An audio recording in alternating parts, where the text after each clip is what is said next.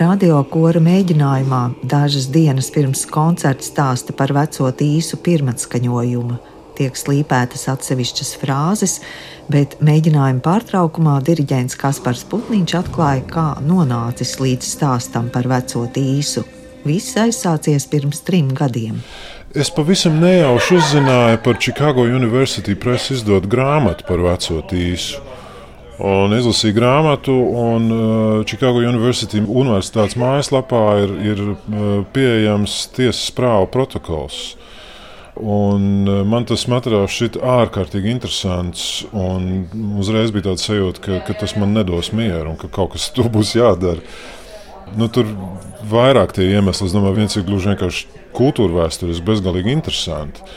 Bet pats svarīgākais man šķiet ir tas, ka tajā tīsa balsī skan tāda īpaša dzīvošana, īpašs veids, kā šajā pasaulē būt.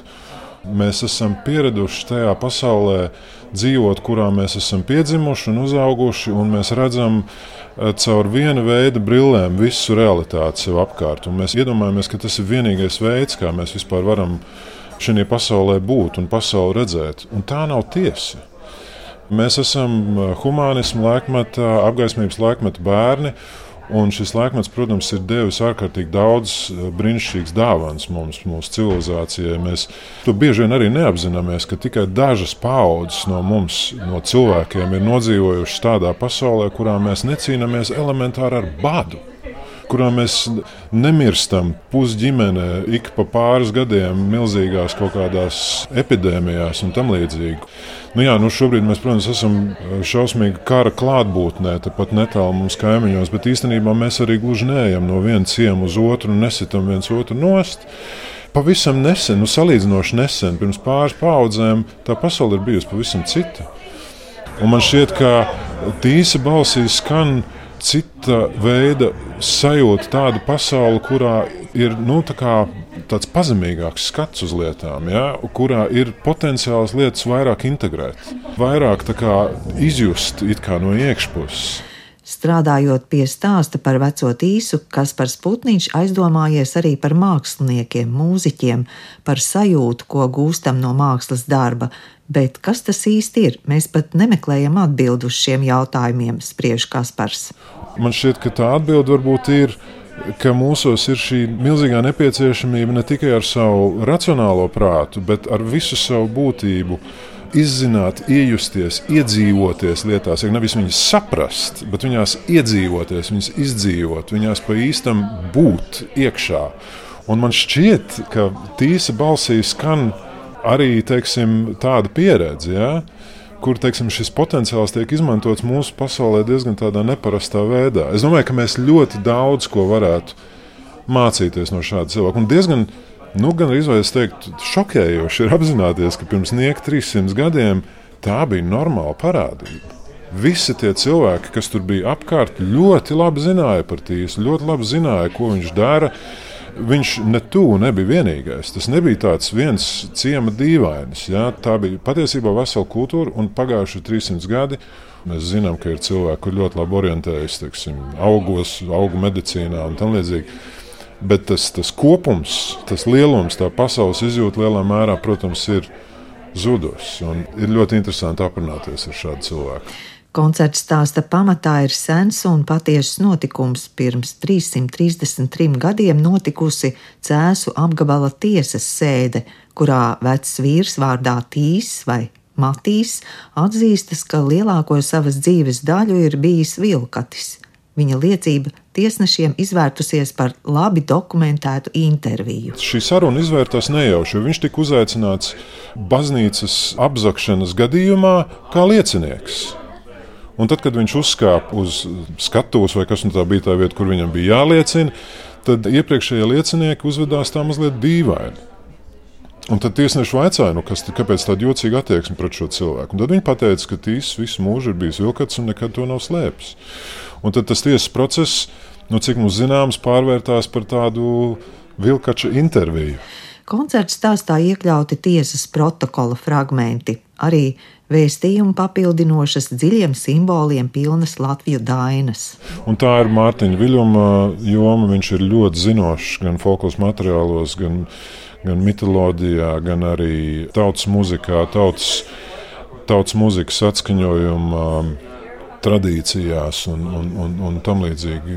ārkārtīgi interesants cilvēks. Un mēs esam ļoti lepni par savu tautas mūziku, par dainām un tam līdzīgi.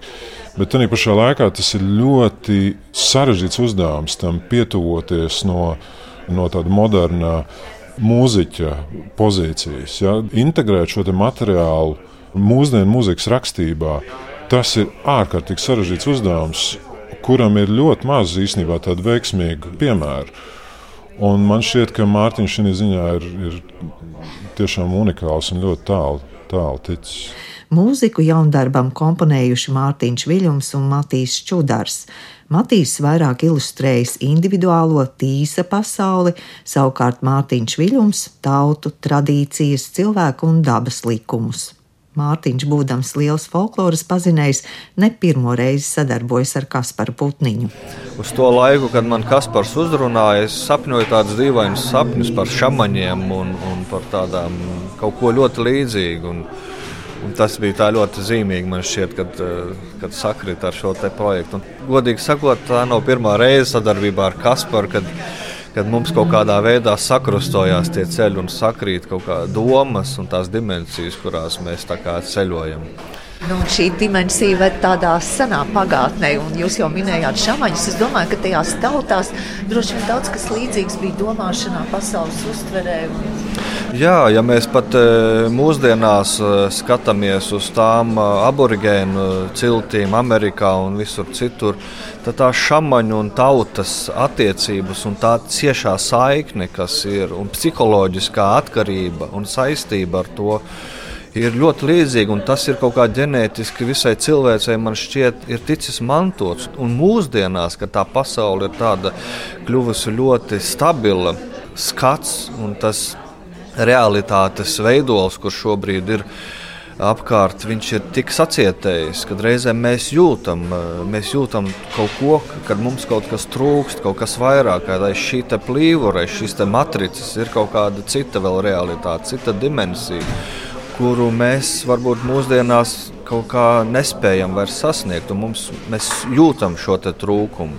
Un varbūt pat es domāju, dažviet tas alkoholisms un narkotiku lietošana ir nepareizs ceļš, kādā veidā mēs mēģinām sev atgādināt par to. Bet kā to visu ietvert mūzikā, kā jūs meklējāt šos? Uh, nu, tā, tas ir gadu garumā noticis tāds process, jo nu, par tādām mistiskām tēmām es jau kopš rakstīšanas sākuma, varētu teikt, interesējos. Varētu sevi saukt arī par mūziķu, mistiķi. Bet man visu laiku kņudēja iekšā tāda doma, nu kā to vērst atpakaļ uz, uz, uz latviešu tādu pasauli, uz latviešu sapratni.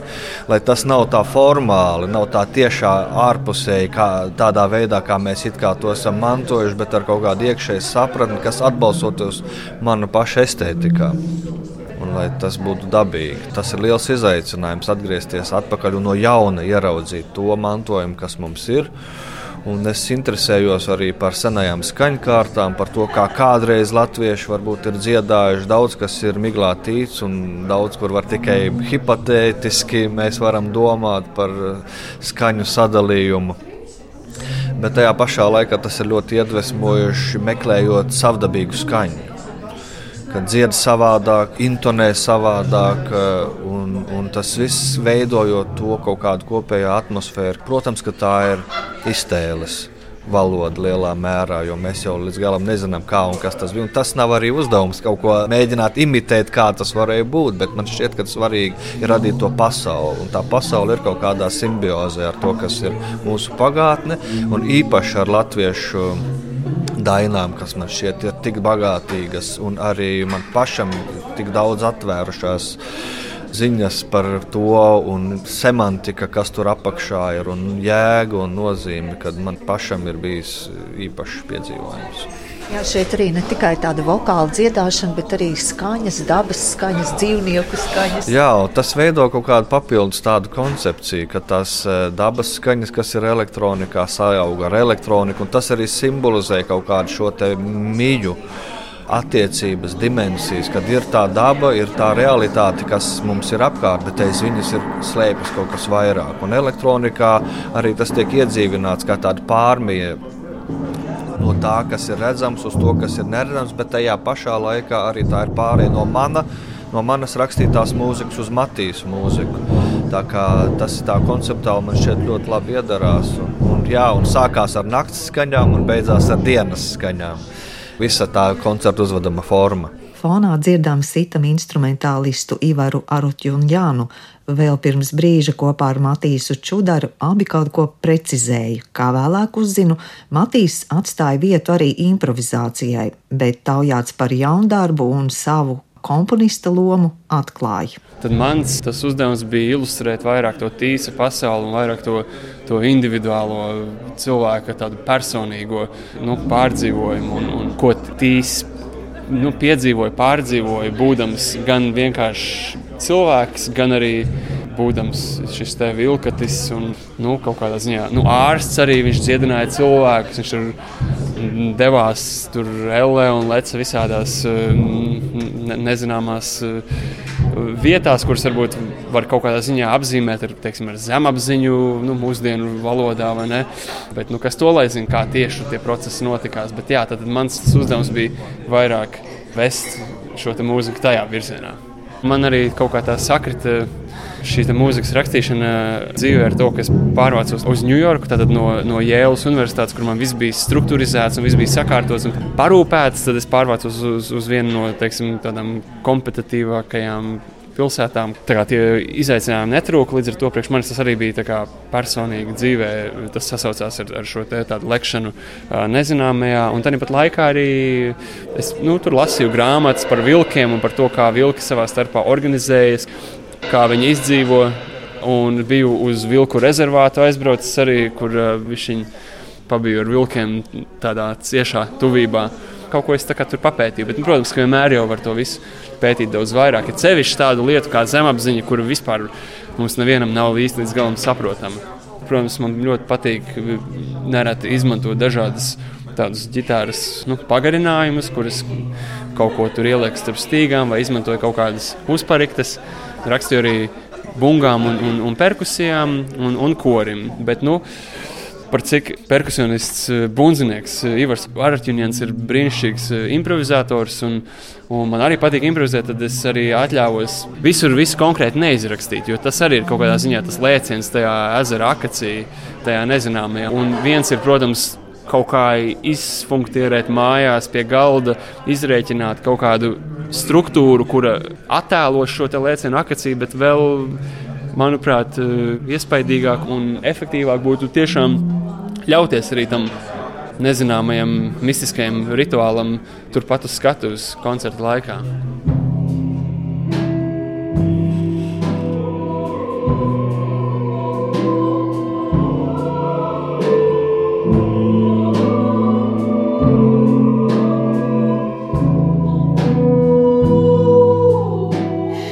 Mūzikā pārmaiņas mīsies Mārtiņa Viļņuma un Matīsa Čudara sacerētā skaņu glezna, bet kas vēl palīdzēs iedzīvināt stāstu par vilkati, atklāja Kaspars Putniņš. Mums ir sadarbība ar brīnišķīgu jaunu vizuālo mākslinieku, video grafiķi Fritzi Kalveli. Un, jā, to visu palīdz kopā mums salikt režisora Inga Tropa Eh, Laura Groza bija eh, ļoti nozīmīga mums visā šajā garajā pārunu procesā. Tāpat arī Ilmārs Šlāpins ir tas, kurš ir izveidojis to pamatu eh, režģi scenārijām. Un, laikam nav nejauši, ka tas notiks Cēsīs, Cēsīs koncerta zālē. Nu, jā, tas ir, ir Cēsīs apgabala tiesa. Tas ir, tas ir Cēsīs vēstures fakts. Jā. Koncertā uz skatuves būs Latvijas radiokoris, sitam instrumentālists Ivars Arutjunjans un mūsdienu tīs Matīs Čudars spēlēs ģitāru, diriģents Kaspars Putniņš.